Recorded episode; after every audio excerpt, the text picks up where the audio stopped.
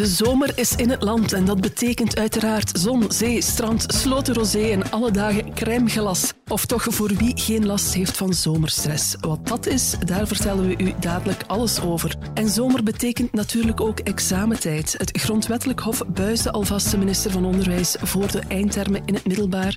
Onze politieke redactie fileerde ook de andere leden van de Vlaamse regering. Zeer benieuwd naar dat rapport. Mijn naam is Anne van den Broek. Dit is Lopende Zaken. Lopende Zaken. Een podcast van de morgen. Schoon weer buiten en ook schoon volk aan tafel. Stavros Kilepouris. Normaal wisselen wij elkaar af hier, maar kijk, blij dat je vandaag ook eens mijn gast wil zijn. Dag Anne. Jij bent natuurlijk ook gewoon politiek journalist bij de krant. Hè? Naar het schijnt. Naar het schijnt. Hartelijk welkom ook Lotte Bekkers, journalist voor de Weekendkrant. Hallo. Hey. En uiteraard hoofdcommentator van de morgen, Bart Eekhout, ook weer op post. Dag aan. Hallo. Beginnen doen we met prangend nieuws, want het was me wel weer de week voor de Vlaamse regering. Minister van Welzijn Hilde Krevits, die openlijk haar administratie ferm op de vinger stikt nadat weer een crash haar vergunning verliest. Minister voor Omgeving Zuhal Demir, die de klok rond politiebescherming nodig heeft na een fel boerenprotest tegen haar beleid. En dan kreeg minister van Onderwijs Ben Wijs ook nog eens een stevige tweede zit, aangezien het grondwettelijk hof de eindtermen secundair onderwijs vernietigd heeft. Beginnen we even met dat laatste. Leg eens even uit wat daar precies gebeurd is. Wat zijn die eind- eindtermen en wie was daarop tegen? Eindtermen is eigenlijk de afspraak die je maakt over de minimale doelen die scholieren moeten bereikt hebben aan het einde van hun, eh, in dit geval secundaire schoolcarrière, bestaat ook voor de lagere school, maar nu gaat het over het secundair onderwijs. En dus dat is eigenlijk een beetje de polster van het hele onderwijsonderricht, hè, want alles hangt daarvan af, hè, wat er in de leerboeken staat, wat er in de les, wat er in de klas eh, wordt, wordt eh, lesgegeven, daarover, dat, dat, dat hangt eigenlijk allemaal af van die eindtermen. En die moesten vernieuwd worden en het Vlaams parlement en de Vlaamse regering wouden die, rege- eh, wouden die gelegenheid eigenlijk aangrijpen om een van de grote problemen van het onderwijs, het verlies van kwaliteit, om dat wat op te kalefateren, Ja, er zijn hele lange debatten aan vooraf gegaan. ja, dat is, dat is eigenlijk wel het bijzondere. Ongeveer iedereen die iets te zeggen heeft over onderwijs in Vlaanderen is eh, in een of andere hoorzitting aan bod gekomen.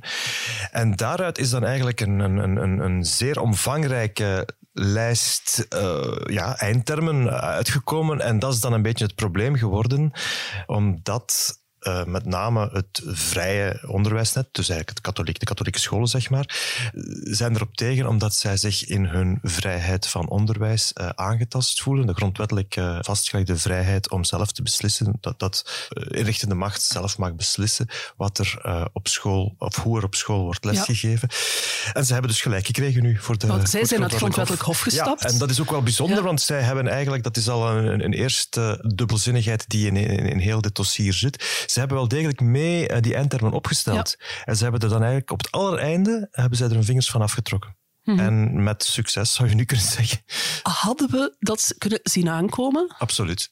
Ja. Want er is al een, een, een, een kritisch advies gekomen van de Raad van State dat eigenlijk voorspelt dat het grondwettelijk hof dit niet zou laten passeren, omdat je inderdaad door die eindtermen zo specifiek vast te leggen, hè, wat eigenlijk het probleem is met deze eindtermen, is dat je niet alleen het einddoel vastlegt, maar dat je ook specifiek gaat uitleggen welke weg je moet volgen om dat einddoel te bereiken.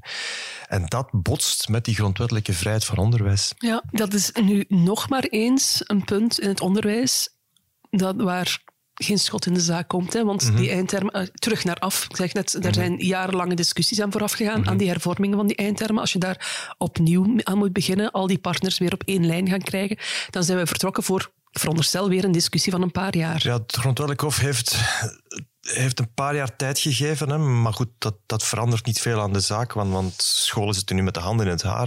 Ze hebben inderdaad dus nieuw, ze hebben zich voorbereid op die nieuwe eindtermen. Maar ze weten dat ze nu eigenlijk ja, cursussen zouden dan moeten geven die binnen twee jaar toch weer de vuilnisbak in moeten. Dus de vraag, ja, moeten, ze dan wel, moeten we dan wel mee starten? Moeten we dan toch niet Dus er het wordt in september blijven? wel degelijk gestart met die nieuwe Dat is eindtermen. nog helemaal eigenlijk... onduidelijk. Dat is eigenlijk onduidelijk. Je zou, het zou kunnen zijn dat ze terugvallen op, op, op, op de oude regels om, en wachten op de, de nieuwe situatie eh, in, in 2025 is het dan zeker. Eh, maar inderdaad, het is een, het is een geweldige, het is een geweldige klap voor het, voor het onderwijs. Waar de chaos nu ondertussen toch een beetje compleet aan het worden is. Hè? Na het leraartekort, het, eh, het kwaliteitsterugval, het feit dat er ja, mm veel kinderen geen les krijgen, ehm, al ja, een heel schooljaar lang?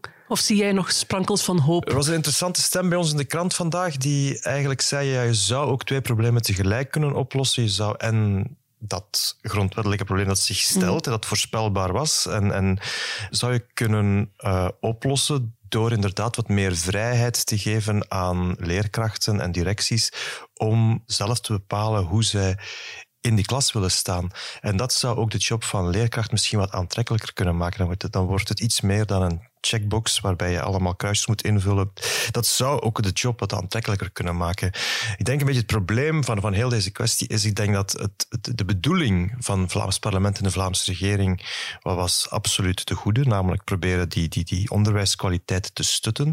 Maar ze hebben denk ik een beetje te veel ingezet op één middel, uh, namelijk door, door die, die, eindtermen helemaal uh, te, gaan, te gaan uitschrijven. En dat is, dat is verkeerd uitgepakt. En eigenlijk eigenlijk gaat dit over de vraag van ja, wie is de baas in het onderwijs in Vlaanderen? En dat is een, dat is een heel moeilijke kwestie, want eigenlijk blijkt is dat niet helemaal, is dat niet, niet per se de Vlaamse regering of het Vlaams parlement, maar is dat ook wel, zijn dat de netten, de inrichtende machten, die van de grondwet een, een, een, een heel uh, ruime marge hebben gekregen om, om, om in te vullen wat ze met dat onderwijs doen. Maar dat betekent ook dat als, het, als er een probleem is met uh, kwaliteit van het onderwijs, dat we voor de verantwoordelijkheid ook mee naar die netten moeten kijken. Mm En dat gebeurt te weinig nu? Wel, een van de best bewaarde geheimen van het Vlaamse onderwijs en een van de grootste problemen van het Vlaamse onderwijs is een gigantisch verschil in kwaliteit tussen verschillende scholen. En daar zit, een, daar, daar zit een groot probleem. En dat heeft, precies dat probleem, heeft de, de, de Vlaamse regering proberen op te lossen door die eindtermen zo strak te trekken, zodat al die scholen verplicht worden om een beetje hetzelfde schema te volgen. Dat mag dus niet. Maar het probleem, namelijk dat het probleem is dubbel. Hè. Enerzijds is, is het dat gigantische kwaliteitsverschil. Het tweede probleem is dat ouders niet weten hoe dat zit. Uh, er is eigenlijk uh, geen enkele openbare. als, als je wat moeite doet. Inspectierapporten ja, zijn openbaar. Je, je, je, je ja. kan zelf proberen in, in inspectieverslagen te duiken, maar ik geef je goede moed om dat te proberen. Uh, maar er is eigenlijk geen enkel. ik heb het geprobeerd toen ik een school moest okay. kiezen. Maar de, er zijn belangen aan niet van alle scholen beschikbaar. Nee. En ja, sommige zijn acht jaar oud en ja, hoe relevant mm -hmm. zijn die dan mm -hmm. nog? Ja, en er, zijn, er wordt ook amper ja, scholen die, die, in zo'n inspectieverslag er, er, niet goed aan toe zijn, worden ook amper gesanctioneerd. Hè. Ook dat maakt deel uit van de vrijheid van onderwijs. Dus je zit daar met een probleem dat zich eigenlijk stelt op het niveau van de inrichtende machten, dat de Vlaamse regering heeft proberen op te lossen, maar waarvan het grondwettelijk hof zegt van ja, nee, eigenlijk is het toch het, tuintje van de inrichtende machten. Jullie moeten daar... Uh... Maar waarom vallen we daar nu over van onze stoel? Dat, dat, dat is voor mij het hallucinante van het verhaal. De de Vlaamse regering is ook een beetje naar het grondwettelijk hof gegaan in de wetenschap. Ja, nu gaan we eens kijken of die netten hier iets te zeggen hebben. Ja, wel, dat wisten we toch, dat die netten hier iets te zeggen Dit stond in de sterren geschreven. Als we dit wilden vermijden, dan hadden we echt wel iets anders kunnen doen dan naar het grondwettelijk hof gaan. We hadden kunnen blijven praten. Nee, de regering heeft gezegd, is goed, jullie willen naar het grondwettelijk hof, we zullen meegaan, we zullen eens uh, kijken wie er het... Uh, wie de basis. Wie de basis. En Waardoor ja, dat bleek... er nog extra tijd uh, nu verloren exact. gaat. Ja. Dat is gewoon au fond slecht beleid geweest. Hmm. Mm -hmm. Wel, slecht beleid. We zullen eens kijken. Jullie hebben ook... Mooi bruggetje, Stavros. Want uh, jullie hebben ook um, samen uh, gewerkt aan een rapport van uh, de hele Vlaamse regering. Hè? Mm -hmm. En durf ik het vragen, zijn ze geslaagd? nee. Oh, Bart twijfelt nog. Nee, nee, nee, nee, categorie. Dat is natuurlijk, je, je, je buist of, of, of, of, of uh, laat geen hele klas tegelijk slagen natuurlijk. Dus er is wel wat, er is wat kleurverschil, zullen we zeggen. En, vertel, we, we zoeken eerst de positieve punten. Waar, uh, ja, waar, waar zie je goed nadenken. wel, er zijn een aantal eh, ministers die toch wel geprobeerd hebben om beleid te voeren. En dan kan je, de tweede vraag is of je dat vindt of dat goed beleid is of slecht beleid. Maar goed, het is beleid, er zijn stenen verlegd in de rivier. Ik denk dan bijvoorbeeld aan iemand als Matthias Diependalen, minister van Begroting, Financiën en Wonen, onder meer. Niet meteen het grootste profiel van de Vlaamse regering, maar wel iemand die binnen zijn bevoegdheden heeft geprobeerd om, om, om, om, om, om dingen aan te pakken. En dan heb ik persoonlijk inhoudelijk daar wel wat kritiek over. Hè, Ja, er is ook heel veel kritiek geweest op over- aanpak van sociale huisvesting. Absoluut, hè. absoluut Ja. ja. Maar goed, je kan niet zeggen dat hij binnen een centrumrechts regeerakkoord dat niet heeft geprobeerd in te vullen zoals zijn partij dat wenst en zoals de meerderheid in het Vlaams parlement dat blijkbaar wenst. En dan moet de oppositie of dan moeten critici zich daar maar tegen verhouden. Maar het is alleszins niet iemand die niets gedaan heeft. Of Ja, die, die de zaak op de loop die, die heeft. Enkel mislukking heeft aangetrokken, want zo zijn er wel nog een paar in de Vlaamse regering Oké, tijd om namen te noemen, denk ik. Iemand die, die, die aan de andere kant staat, eh, en dan begin ik ook eerder bij de junior ministers, is Lydia Peters. Op eh, mobiliteit is het, die toch eh, ja, op haar rapport heeft staan dat we terug moeten rekenen met een stijgend aantal verkeersslachtoffers. En net zoals bij Wouter Beke, de voormalige minister van Welzijn, kan je haar niet persoonlijk al die ongevallen aan, aanrekenen. Maar wat, er wel, wat je wel kunt aanrekenen is een gebrek aan urgentie, een gebrek aan ambitie om daar wat aan te veranderen. En dat zit, eh, dat zit niet, daar zit weinig eh, evolutie in. Ja, en weinig visie achter misschien. De beste samenvatting van Lydia Peters is voor mij dat de meeste Vlamingen haar kennen als de minister die een vlucht van 40 kilometer van, van Brussel naar Antwerpen nam. Als dat de samenvatting is, of als dat is hoe mensen de minister van Mobiliteit onthouden, ja, dan zegt dat alles over je beleid. Dus één, een belachelijk idee geweest om die vlucht te nemen. Twee, dat wil zeggen dat er voor de rest niks gebeurd is. Mhm. Kijken we eens naar eh, de leider van die Vlaamse regering, eh, Jan Jan Bon. Hoe komt die eruit? Ja, niet goed, hè. Eh, maar voor een stuk is hij, en, dat is tegelijkertijd ook zijn probleem, is hij een een leidend voorwerp van een situatie die hij niet zelf gewild heeft. Hè. Het structurele probleem van deze Vlaamse regering is toch dat zij Ondanks het feit dat zij dezelfde kleur draagt als haar voorganger.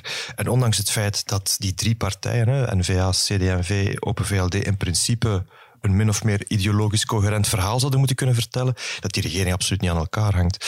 Dat daar ehm, tegenstelling heerst, dat er weinig of totaal geen interesse is om de andere partner iets te gunnen. En dat zie je bijvoorbeeld ook weer nu in dat onderwijsdossier. De, de eerste partij die onmiddellijk de vingers afgetrok van, van, van, die, van, van die eindterm was CD&V, wil daar niks meer mee te maken hebben, terwijl ze die wel hebben mee hebben goedgekeurd hè, in het parlement. Dat is echt, ik vind dat ten hemel Ja, en schrijnend met eigenlijk. minister Hilde Krevits. Ja, mis- was, eh, het is nog gestemd onder de CD&V-minister van Onderwijs, absoluut. Dus dat is eh, dat soort onverantwoord eh, en, of, of, of deloyaal gedrag, dat zie je voortdurend. Ja, en daar moet eh, Jan Jan Bon proberen mee te navigeren. Dat is duidelijk niet zijn sterkste kant. Dat wat de nuance betreft, aan de echt wel kritische kant moet ook wel zeggen dat hij ook weinig daadkracht toont, weinig wil om effectief die boel bijeen te houden, om, om, om daar nog iets van te maken. Hij laat het soms ook wel een beetje hangen. Hij is ook al heel lang onzichtbaar eigenlijk. Mhm. Ja, blijkbaar is hij eh, voortdurend eh, in het buitenland op, op, op reis. Hij komt eh, heel weinig in het parlement. Dat schijnt hem ook niet echt te interesseren. En als hij er komt, dan, dan, dan zijn zijn tussenkomsten ook niet altijd de meest gelukkige. Bart Wever heeft het zo gezegd, dat, dat echt dat fijne afwerken van, van, van politieke dossiers, wat toch heel belangrijk is, ja, dat ligt hem niet. En is- eigenlijk heeft Bart de Wever daar bijna zelf gezegd, Jan Jan Bon was een verkeerde keuze op die plek. hij heeft op zijn minst gezegd dat de kans heel klein is dat, Jan Jan, dat er een regering Jan Jan Bon 2 komt. Ja, en dan komen we uit bij Suhal Demir. Mhm, ja. Leading lady vandaag van NVA. Ja, zo zou het wel kunnen zeggen. Ja. Leading lady onder politiebescherming. Ehm, dubbel, vind ik. Dubbel. Van, van haar wordt gefluisterd van... Ja, Ja. Zij is de volgende minister-president. Ehm, Moet je altijd met een korreltje zout nemen. En ja. Iemand fluistert dat. Eerst en zijn er ook dan, nog verkiezingen, Ja, om te beginnen. bijvoorbeeld. En eh, iemand fluistert dat en dan heeft iedereen het plots gehoord. Ehm, dus ik laat het toch maar even afwachten. Maar goed... eh, het feit is wel dat ze ja, zich heel zij- stevig profileert. Hè? Zeer zichtbaar en dat is deel van haar eh, merk. Enerzijds, anderzijds zou ik zeggen. ehm, wat ze doet eh, op, vlak van omgeving, milieu, als we het dan hebben over stikstofdossier, dat zijn eh, best wel moeilijke, belangrijke beslissingen die zij probeert te nemen, waarbij zij eh, met heel grote stappen probeert vooruitgang te boeken. Dat is misschien niet altijd de meest verstandige aanpak, maar het is misschien anderzijds ook wel nodig om een keer de boel op te schudden. Dus daarin zou ik ook zeggen van goed, je kan moeilijk zeggen dat ze daar eh, eh, weinig probeert eh, in verandering te brengen. Andere kant van haar beleid is het klimaatbeleid, waar ze dan toch weer de, ja, heel weinig ambitie toont en, en haar enige ambitie schijnt te zijn de federale regering stokken in de wielen te schuiven. Ja, de rest van de evaluatie kunnen we in de krant lezen. Hè. Uh, maar je hebt een, een ploeg die eigenlijk ideologisch behoorlijk dicht bij elkaar ligt. Hoe komt het dat die toch niet werkt als ploeg? Hoe komt het dat die Vlaamse regering toch geen, ja, die drive niet heeft, blijkbaar, of niet vindt, de, de juiste versnelling niet vindt om daar iets van te maken? Dat is een hele moeilijke vraag. En, en in, het, um, in het gesprek dat we hadden met, uh, met drie experts, waaronder Carol de Vos, dan voor de evaluatie van de Vlaamse regering, uh, hebben we drie experts uh, bevraagd. Carol de Vos maakt daar een heel interessant punt. De politicoloog van de UGent. politicoloog van de UGent, inderdaad. Ja. Um, hij zei, ja, enerzijds heb je de Vivaldi-regering, waarvan gezegd wordt, ja, die werkt niet goed omdat de ideologische spreidstand daar veel te groot is. Bij de Vlaamse regering zeggen we dan vaak, ja, die werkt niet goed, want al die partijen zitten ideologisch zo dicht bij elkaar dat ze voortdurend op dezelfde kiezers azen en elkaar dus voortdurend vliegen moeten afvangen. En net door die ideologische spreidstand, sorry, ideologische nabijheid, werkt die dus ook niet goed. Ja, het kan niet allebei tegelijk waar zijn. Ofwel heb je spreidstand nodig, ofwel moet je dicht bij elkaar zitten. Dus er speelt daar meer dan zijn die partijen ideologisch nauw verband. En een van de dingen is toch wel dat um, een aantal partijen er een sport van maken om elkaar, kosten wat het kost, vliegen af te vangen. En dat is iets dat mij toch vooral in die vorige Vlaamse regering enorm is opgevallen. Uh, daar had je je bedoelt die van Bourgeois, die van Bourgeois, de regering ja, Bourgeois, ook, de vorige legislatuur. Uh, ja. NVA, CD&V, VLD was. Uh, daar had je geen vijf minuten rust. Uh, iedere keer dat een partij iets besliste, dan was het met name NVA die zei ja, maar uh, wij gaan hier toch nog even tegen ageren. Of eigenlijk is het onze verdienste. Er werd daar geen vijf minuten spotlights gegund aan een andere partij. Uh, en dat zie je eigenlijk nu terugkomen. Iedereen weet van ja, als we stemmen moeten halen, dan moeten we zorgen dat we de ander zo min mogelijk gunnen. Uh, en dat zie je nu ook in, heel het, uh, in heel het stikstofdossier. CD&V en NVA staan daar lijnrecht tegenover elkaar. CD&V zegt ja, NVA, uh, zij willen de boeren kapot. NVA zegt ja, CD&V heeft het jaren laten verkommeren. Ja, allebei hebben ze natuurlijk een punt, maar die hele Vlaamse regering heeft het natuurlijk jaren laten verkommeren. Het, het frappante voor mij aan heel het verhaal van de boeren is hoe NVA nu zegt, ja, we moeten nu de puinhopen uit het verleden opkuisen. Dat valt ons opeens in de nek, uit het niks.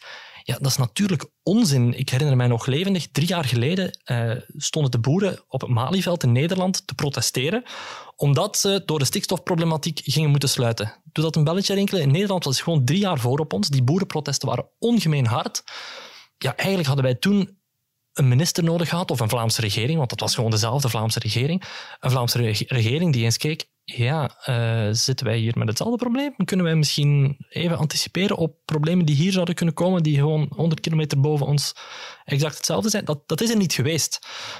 N-VA leidt al acht jaar die Vlaamse regering. Zit er al veel langer in? Zit er al sinds 2004 in. Uh, CD&V en VLD zijn ook al de, de voorbije twintig jaar uh, voortdurend in die Vlaamse regering geweest. Ja, geen van die partijen kan toch zeggen, ja, dit zijn de puinhopen in het verleden, we hebben het niet gezien. Um, maar toch zie je, en dan, nu keer ik terug naar, naar jouw vraag, toch zie je dat zij elkaar voortdurend vliegen moeten af, afvangen van ja, jullie hebben het verkeerd gedaan, terwijl ze eigenlijk eerlijk moeten zijn en zeggen ja, we hebben het misschien Wij, samen gewoon ja. niet goed aangepakt en, en, en de ogen gesloten. En er zit daar een, een, een fundamenteel wantrouwen tussen die partijen, waarbij ze eigenlijk van zodra een regering begonnen is, meteen weer in verkiezingsmodus gaan. Mhm. Het idee van we, we hebben een paar jaar voor we terug naar verkiezingen moeten gaan, dat is weg. Ja, en wat ook het hele idee was van de samenvallende verkiezingen. Hè, van, eh, dan, heb je, dan zit je uit die constante campagnemodus, want dan heb je altijd een aantal jaren rust, zo gezegd. Mhm. Ja. Dat is er niet echt uitgekomen. hè. Nee, het is eh, heel interessant wat Stavros allemaal gezegd heeft. Hè. Um, en Dankjewel, Bart. Ja, uh, je mag nog komen. En uh, het klopt ook wel. Hè. Het zit eigenlijk met een soort fundamentele spanning in ons uh, politieke systeem tussen politiek als beleid en ja, wat ik zou noemen politiek als campagne. En vroeger ja, werd dat uh, vergelijkend met een koers. Hè. Vroeger werd er, uh, maakten mensen zich klaar voor de, voor, of maakte het peloton zich klaar voor de spurt in de laatste 10 kilometer. Uh, en, en krijg je dan een beetje duwen en trekken. Mhm. Nu krijg je een situatie waarbij de koers eigenlijk begint vanaf, vanaf de start, waar, waarbij, waarbij eigenlijk permanente campagne wordt gevoerd, waarbij al geduwd en getrokken wordt.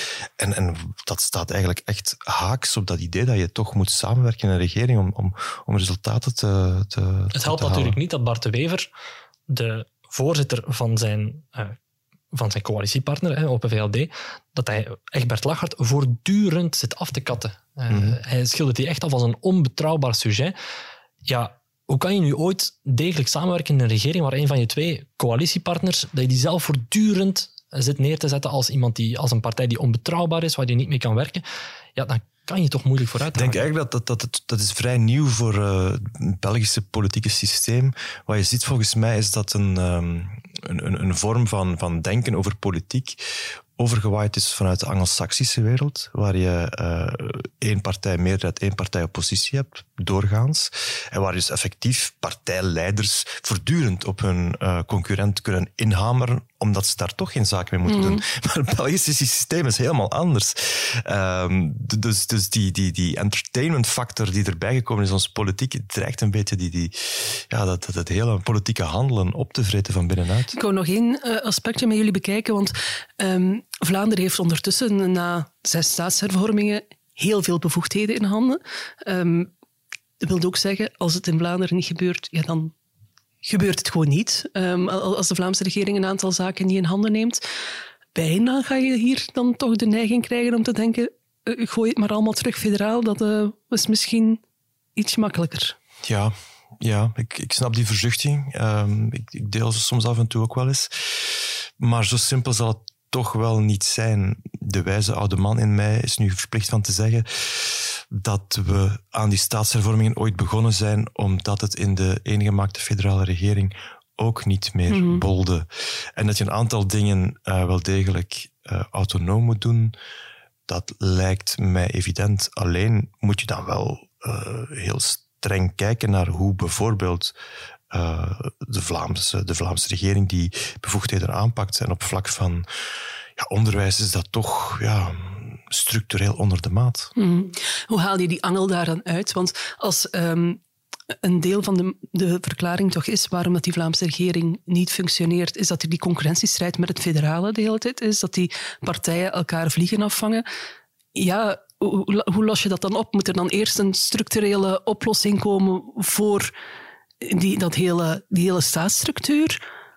Of hebben we gewoon andere, ik, ik, ik andere politieke leiders nodig die beter door één door uh, Een fundamenteel probleem is toch ook een, een, een gebrek aan, aan durf bij die politici. Want mobiliteit, oké, okay, is niet volledig Vlaamse bevoegdheid. Maar stel nu, uh, mobiliteit wordt helemaal Vlaamse bevoegdheid. Dan nog ga je met, het, met de vaststelling zitten dat we regering na regering zeggen we gaan een kilometerheffing onderzoeken. Om nu maar één voorbeeld te geven. De vorige Vlaamse regering heeft die vier jaar laten onderzoeken, een kilometerheffing voor wagens. En op het einde van die vier jaar hebben we gezegd, ah oei, door die kilometerheffing, dat is een belasting en sommige mensen gaan dan meer moeten betalen. Ah, dat kan niet. Ja, dat, dat willen we niet doen. Maar dat is nu net het punt van een kilometerheffing. Het punt is, sommige mensen gaan minder betalen als ze minder met de wagen rijden en mensen die hardnekkig met die wagen willen blijven rijden op het moment van de dag, uh, die gaan betalen. Ja. We hebben er vier jaar over gedaan om vast te stellen, ah nee, wacht, dat willen we toch niet. Ja, dat heeft niks te maken met heb je volledige bevoegdheid of niet, hoeveel heeft federaal nog te zeggen, dat heeft daar niks mee te maken. Dat heeft te maken met pure koudwatervrees. Op het moment dat die studie, uh, die, die Ben Wijt, toen minister van Mobiliteit, besteld had, op het moment dat die studie daar was over die kilometerheffing, zei oh wacht, de verkiezingen zijn te dicht, we gaan nu de Vlaming geen belasting door de maag splitsen, uh, wij trekken onze handen ervan af. Dat heeft niks te maken met bevoegdheden. Dat heeft te maken met, ja, durf ik hier een beslissing nemen die voor de toekomst van Vlaanderen belangrijk is en mij misschien een procent kan kosten in de uh, verkiezingen? Mm. Pure electorale schrik. Ja, ja absoluut. Ja.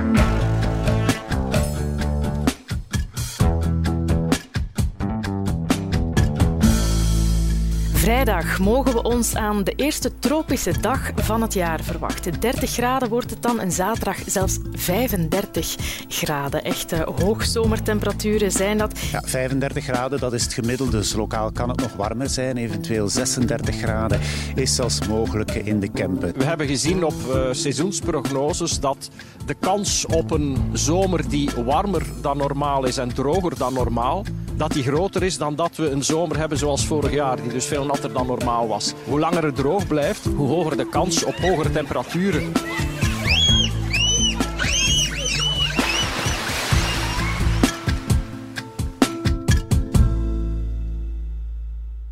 Volgende week is het zover. Althans, volgens de officiële meteorologische kalender. Op 21 juni begint de zomer. U weet wel dat seizoen waar iedereen alweer naar uitkijkt vanaf het moment dat de eerste bladeren beginnen te vallen. Iedereen behalve Lotte Bekkers. Uh, Lotte, jij doet uh, morgen in onze weekendkrant een heftige bekentenis. Jij lijdt aan zomerstress. Wat is dat? Hoe ernstig is het en kan je ervan genezen? Zeer ernstig, moet ik zeggen. Um, nee, het ding is, ik heb een stuk geschreven over het feit dat ik, zoals heel veel mensen, vroeger altijd heel hard uitkeek naar de zomer. Ik denk dat dat een breed gedeeld sentiment is. Maar ik stel vast dat de laatste jaren dat ik daar eigenlijk een beetje schrik begin te krijgen, een beetje stress begin te krijgen, omdat ik gewoon die hitte niet meer aan kan. En de eerste keer dat ik het echt moeilijk had, was drie jaar geleden, dacht ik. Toen ben ik voor de krant naar Tomorrowland moeten gaan, een reportage mogen gaan. Ja. Um, maar het was toen 37 graden en dat was echt een verschrikking. En ik kon daar niet snel genoeg weer, weer weg. Dan 2020, het eerste coronajaar. Uh, dat was toen 12 dagen, heeft de hittegolf toen geduurd. Uh, dat ging tegen de 40 graden aan, als ik het me goed herinner.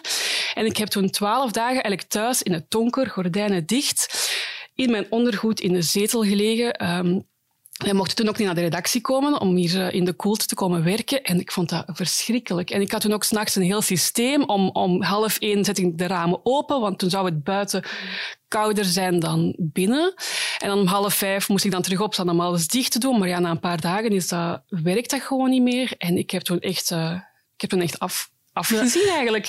Ja. We, we, kunnen daar een beetje onnozel over doen, maar eigenlijk gaat het wel over een zeer reëel probleem dat verder gaat dan jouw huishoudelijke temperatuurregelingen? Ja, absoluut. Want um, ten eerste, dat is um, ik woon nog relatief comfortabel, maar ik heb toen wel vaak gedacht van stel je voor dat je met een groot gezin in een heel slecht geïsoleerd dakappartementje in het centrum van de stad woont. Hoe moet jij die twaalf dagen in godsnaam overleven? Uh, je ziet ook dat de natuur heel erg afziet. Uh, de, de bladeren beginnen overal te verslappen. Uh, de grond is kurkdroog. En ik vind dat eigenlijk een beetje benauwend op den duur. Um, zeker omdat de voorspellingen op dat vlak redelijk dramatisch zijn. Het heeft er alle uh, schijn van, of alle voorspellingen zijn redelijk duidelijk. We gaan de komende jaren, decennia, meer hittegolven krijgen. Die gaan ook uh, langer duren. Um, en de temperaturen, er zijn voorspellingen of experts voorspellen dat die tot 45 graden kunnen gaan binnen 10 à 20 jaar. Maar als je drie, vier weken dat soort temperaturen krijgt, um, dat heeft een enorme impact op hoe dat wij onze zomers gaan moeten doorbrengen en hoe dat wij daar, we gaan daarmee moeten leren ja, omgaan. 45 graden is een beetje extreem, maar temperaturen die we nu dit weekend krijgen bijvoorbeeld, dat zijn de temperaturen waarvoor dat wij op vakantie gaan. Hè? Waarvoor dat we ja, duizenden kilometers afleggen om uh, lekker op aan 35 graden in de zon te kunnen gaan liggen. Um, maar als dat hier 35 graden is, ja, dan ligt het land plat, want dan kunnen we daar niet mee om. Komt hoe, hoe komt dat? Zijn wij daar gewoon niet op voorzien? Is onze infrastructuur daar niet klaar voor? Zijn wij daar zelf niet klaar voor? Of kunnen we wel in de zon gaan liggen bij 45, 35 graden, maar niet, niet werken uh, bij 35 graden? We zijn daar totaal niet op voorzien. Um, als je kijkt bijvoorbeeld in Zuiderse landen, ik zeg maar in Spanje, die huizen dat zijn, uh, die zijn gebouwd met hele dikke muren. Die raampjes zijn heel klein. Wat doen wij? Wij, wij onze ramen kunnen niet groot genoeg zijn. Um, wat dat wil zeggen dat wij huizen bouwen die goed geïsoleerd zijn uh, en voorzien zijn voor de winter, maar niet voor de zomer. Uh, dat, zijn gewoon, dat zijn gewoon ovens, dat zijn, dat zijn serres waar dat wij in wonen. Wij hebben heel weinig uh, schaduw, ook in de stad.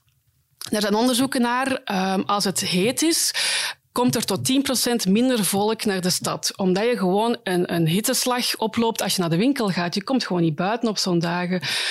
Het goede nieuws is dat er oplossingen zijn. Uh, en de meeste steden en gemeenten hebben blijkbaar die frank begint aan te vallen. Um, je moet In gewoon... Antwerpen toch nog niet op het Operaplein, heb ik het gevoel. Nee, nee, en daar gaan ze nog hun peren zien. Maar ik denk ook dat, dat ze je gaan daar... daar geen peer zien. Helaas gaan ze daar geen peer zien. Voor mensen die niet in Antwerpen komen, het Operaplein is volledig heraangelegd en is een betonnen woestijn. Maar het zijn dat soort plekken inderdaad, winkelwandelstraten, stationspleinen. Dus al die, die plekken die zijn voorzien op functionaliteit. Daar moet heel veel volk snel kunnen passeren, met als gevolg dat er heel veel stenen zijn en heel weinig verkoelend groen.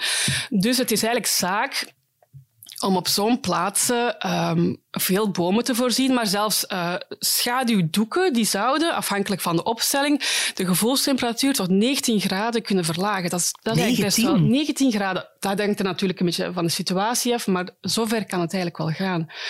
Nu, experts zijn daar volop mee bezig. Die, die kennis die bestaat allemaal wel. Je merkt wel in de praktijk, zo simpel blijkt het toch niet. Blijkbaar zijn er heel veel mensen die helemaal geen zin hebben in bomen in hun straat. Uh, de meeste steden en gemeenten die willen toch ook allemaal evenementen kunnen organiseren op hun pleinen. En dan staan die bomen daar in de weg. En wat met de terrasjes? Dus tussen droom en daad twee verschillende dingen. Maar er zijn wel, wel oplossingen. Een andere mogelijkheid is om bijvoorbeeld heel veel publiek toegankelijk water te voorzien. Dat gaat van fonteintjes aan speeltuinen, waar de kindjes in kunnen rondlopen, maar ook een soort waterbassin, zeg maar, waar dat ook volwassen mensen even kunnen zitten, pootje baden, want dat werkt heel verkoelend. Dus die oplossingen of die mogelijkheden zijn er wel, ze moeten alleen nog wat beter toegepast worden. Oh, wat ik jou niet hoor zeggen is van installeer allemaal een airco. Nee, en dat is eigenlijk um, zowat het slechtste wat we kunnen doen. Nu, er zijn heel veel mensen die tegenwoordig airco's uh, installeren. Maar dat maakt ik denk het dat probleem... voor heel veel mensen de eerste reflex is uh, bij, uh, om deze hitte ja. aan te kunnen thuis. Maar dat maakt het probleem eigenlijk alleen maar groter, omdat um, A, dat verbruikt heel veel energie. en B, dat airco's blazen eigenlijk de, de hete lucht terug naar buiten, waardoor het de straten verder opwarmen. Dus airco's houden, het probleem niet alleen in stand, ze maken het gewoon veel erger. Dus dat is op termijn is dat helemaal geen oplossing. Wat je als particulier kunt doen, is weer al zorg dat je bomen voor je ramen zet. Uh, voorzie een of andere vorm van, van schaduw. Um, groendaken, groene gevels, dat zorgt er ook allemaal dat, dat je binnenruimte koeler blijft. Dus dat zijn wel oplossingen. Heel interessant ook is, of heel verrassend is, dat ik voor mijn stuk gepraat heb met een Canadese onderzoekster. Uh, ze heet Shonda Morrison. En zij onderzoekt eigenlijk de, de impact van hitte op onze fysiologie. Dat is een klein onderzoeksdomein dat eigenlijk wel steeds aan het groeien is, want dat wordt een van de grote uitdagingen. Um, en zij beweert dat wij ons ook kunnen trainen om, om te leren omgaan met die hitte. En ze vergelijkt het eigenlijk een beetje met... Uh, in april is 20 graden, voelt heel warm aan. Eind augustus is 20 graden eigenlijk een beetje fris. Dat is omdat je lichaam doorheen die maanden de tijd heeft gekregen om te wennen aan die, aan die temperatuur. Haar verhaal is eigenlijk van ga vooral niet binnenzitten met de airco. Dat is het slechtste wat we kunnen doen uh, om daarmee om te gaan. Je moet naar buiten gaan. Je moet bewegen, ga fietsen, We moeten ons trainen eigenlijk. Je moet eigenlijk echt je lichaam de tijd geven, zodra het kan, ga naar buiten en leer je lichaam omgaan met die hitte. Want als we dat niet doen en als wij gewoon heel de zomer binnen zitten in onze zetel, zoals mij, of met de airco aan, dan krijgen we ook in de toekomst een hele generatie die niet met die warmte kan omgaan. Dat verklaart en misschien ook waarom dat mensen in het zuiden wel degelijk om kunnen met, uh, met die hitte. Ja, inderdaad. Ja, waarschijnlijk ja. wel. Ja. ja. Dus zij zijn en dat is ook gewoon, super belangrijk, want um, hitte wordt ook gezien als een van de grootste, um, of een van de belangrijkste oorzaken voor uh, klimaatsterfte, zeg maar. Um, hitte is een veel groter probleem voor onze gezondheid dan, uh, dan regen of koude ofzovoort. Ik denk in augustus 2020 telde Cienzano 1500 extra doden enkel door de hitte in de maand augustus alleen al. Dat is echt een groot probleem, want we gaan alleen maar die cijfers die gaan, die gaan niet alleen verviervoudigen of zo, die gaan vertien, vertwintigvoudigen. En dat zijn geen cijfers die ik verzin, dat zijn voorspellingen van de Europese Commissie. Ja, begrijp dus dat we op termijn anders zullen moeten gaan bouwen of, uh, of ook uh, onze huizen op een andere manier moeten beschermen, dat we onszelf moeten trainen. Maar zijn er nog andere manieren waarop dat we anders zullen moeten gaan leven. Um, ik, ik, denk bijvoorbeeld nu aan de festivals. Want um, het Rode Kruis liep, riep deze week al op. Het wordt, het wordt dit weekend, ja, wat is het, 35 graden. Het is Graspop-meeting um, in Dessel. Ja, ja. en daar uh, lopen ze traditioneel nogal eens om, uh, rond in zware uh, lederen outfits. Ik zwart ook voor de gelegenheid. zwart, ja. voilà. En het Rode Kruis roept expliciet op van laat uw lederen vesten thuis, kom in een wit t-shirtje allemaal. Bijzonder heftig nieuws voor de festivalganger, kan ik me voorstellen. Um, maar zijn dat dan ook allemaal dingen ja, waar we ons uh, gaan aan moeten aanpassen. En, en gaat dat nog wel kunnen? Zo festivals, uh, 10.000 mensen beetje, op een wei in de blakke zon. Dat wordt een beetje de vraag. Hè. Wie heeft er zin om bij 40 graden daar drie dagen te gaan rondlopen? Ja, de hulpdiensten uh, alvast niet, denk ik. Nee. Dus ik denk dat iedereen die inderdaad met van die zomeractiviteiten bezig is, die gaan toch moeten nadenken over hoe dat zij um, een antwoord kunnen bieden op, de, op die vraag. En een van de, de eerste dingen die ze moeten doen, is, is hun festivalterreinen gaan herdenken. De, klassieke wij zonder bomen, dat is, dat is niet meer realistisch. Dus die gaan ook moeten nadenken over waterpartijen, die gaan moeten nadenken over schaduwelementen, want anders gaat er gewoon geen kat meer komen. Ik vraag me bijvoorbeeld ook af of dat we misschien een soort verschuiving gaan zien in de toekomst van um, klassieke zomerevenementen naar bijvoorbeeld het voorjaar of het najaar, waar het gewoon veel aangenamer gaat zijn van temperatuur. Ja. Dat zijn een aantal vragen, ja. ja. Nu het toch hebben over die festivals. Daar werd de afgelopen maanden ook al serieus gemord omdat de ticketverkoop um, niet optimaal was. Wat ik me ook afvragen of jouw stress uh, volledig klimatologisch is, want het wordt ook economisch nogal een stresserende, zou een stresserende zomer kunnen worden. Uh, je, hebt, je hebt enerzijds inderdaad de, de, de festivals, maar bijvoorbeeld, er gaat bijna geen dag meer voorbij zonder stakingsaanzegging voor een of andere luchthavensector. Uh, dus dat, dat belooft ook uh, voor de mensen die uh, klaarstaan om op vakantie te vertrekken. Ik vind het vanuit een economisch perspectief, um, zou ik het een interessante zomer durven noemen. De kwestie van de festivals en de dure prijzen, hè, als je 5 euro moet betalen voor een pintje, dat is eigenlijk de vraag naar prijselasticiteit. Van hoeveel, hoe, hoeveel kun je een prijs opdrijven voordat het publiek zegt, laat maar zitten, ik, zal wel, uh, ik, zal wel, ik blijf wel thuis. Eh, denk dat, dat die festivals nu eigenlijk tegen een soort rand aanzitten. Dat, je merkt ook wel dat een aantal festivals uh, ja, moeten afhaken. Ja, omdat mensen keuzes maken. Ze gaan niet van het, zoals sommige jongeren deden, van het ene festival naar het andere surfen. Dat is gewoon financieel niet meer haalbaar. Dus, dus daar zit je al tegen de grens van die prijselasticiteit. En dan een ander economisch aspect, dan eerder aan de onderkant uh, van de sociale, sociaal-economische ladder, zie je op die luchthavens. Dus je zit met heel de kwestie van, van tekort op de arbeidsmarkt, uh, oververhitting van de arbeidsmarkt, wat eigenlijk een soort opwaartse druk geeft op de, de, de, de, de jobs aan de onderkant, waar toch nogal wat uh, dienstenjobs op de luchthaven bij horen. Bewaking, bagageafhandeling, dat zijn ja, eh, jobs die eigenlijk heel slecht betaald worden voor toch een heel noodzakelijke functie.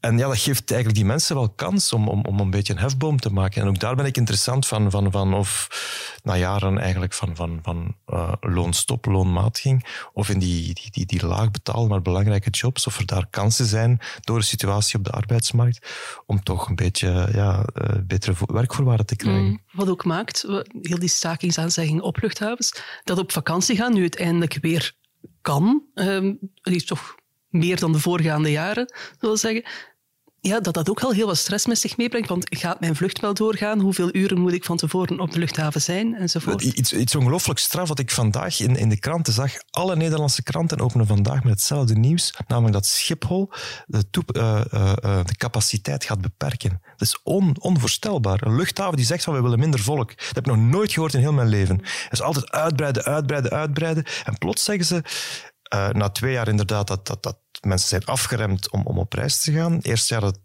terug een beetje een normale zomer zou kunnen worden voor vakantiegangers, zeggen ze, hola, het gaat niet. Moeten minder mensen komen. Ik vind dat onvoorstelbaar. En waarom ligt dat dan? Uh, onder andere aan, aan het feit dat, dat, dat dus, dan kom ik terug op die arbeidsmarkt, dat ze amper mensen vinden om, om, om die slecht betaalde, maar superbelangrijke essentiële jobs te doen. Dus de enige oplossing lijkt me te zijn, mensen een beetje beter betalen. Mm. We staan er eigenlijk wel voor een grote omslag dan, in mm. principe. Door corona, door de klimaatverandering. Er, er zitten wel heel wat structurele maatschappelijke veranderingen aan te komen. Ja, inderdaad. En, en, en, daar zou je dan kunnen zeggen van, zonder dat ik mensen... Ik, ik, ik kun iedereen zijn, zijn, zijn eigen vakantie natuurlijk, maar misschien is het niet per se een slechte zaak dat er uh, wat minder gevlogen wordt. Het enige probleem is als je dat puur afhankelijk maakt van, van, van, van, van de prijs ja, dat het natuurlijk ook wel een, dan, dan, wordt het een kwestie van, dan wordt het een beetje een elitaire kwestie. Hè? Nee, dan is het ja. nog kan betalen natuurlijk. Het probleem is ook vaak dat, er, dat de alternatieven niet zo eenvoudig zijn. Hè. Een collega nee. van ons, Michiel Martijn, wou graag met de, met de fiets naar, ik geloof, Denemarken. Ja. Uh, met de fiets dan met de trein, met de trein en, en, en de fiets meenemen. Ja. ja, dat bleek quasi onmogelijk te doen. Mm-hmm. Want uh, een trein nemen doorheen Duitsland of richting Denemarken, waar je zomaar je fiets mocht meenemen, dat was blijkbaar een gigantisch probleem. Ja. Dat is ook extreem duur, hè, de trein? Dat is extreem duur. Ja. Als, je, ja, als dat het probleem al is, ja, goed daar gaan we natuurlijk nooit vooruit raken. Wie, wie het vliegtuig niet wil nemen, die, ja, die moet zich eigenlijk een, een, een been afzetten en, en verkopen om het eh, te kunnen betalen. Ja, zo gaan we er natuurlijk niet geraken. Je bent met een vliegtuig veel sneller en je betaalt een fractie van wat je aan Absoluut. de trein kwijt bent. Passen jullie jullie zomerplannen al aan? Eh, ik ga deze zomer rustig houden. We hebben twee hele kleine kindjes. Jij blijft gewoon thuis. Eh, ja, dat klopt. Ja. Bart, wat zijn jouw plannen? Wel, ik ga ehm, tegen alle regels zondigen die we hier net eh, eh, aan de orde gebracht hebben. We gaan een, eh, een klimatologisch niet helemaal verstandige, maar unieke reis maken naar Florida deze zomer. Kijk eens aan. Ja. Kijk eens aan. Maar we doen dat, voor alle duidelijkheid, beste luisteraars, we doen dat maar één keer in ons leven. Het is niet dat we voortdurend met de beentjes in het water in Aruba zitten of Lotte, Stavros, Bart, ontzettend bedankt voor jullie komst. Ook een grote dankjewel aan Laurens Bervoets voor de techniek. Volgende week is Stavros er weer voor een nieuwe aflevering van Lopende Zaken. In de tussentijd zijn er de andere uitstekende podcasts van de morgen te beluisteren in uw favoriete podcast-app. Ons mailen dat kan dan meer op podcasts.demorgen.be en dan wens ik u een lekker heet weekend toe. Tot de volgende week.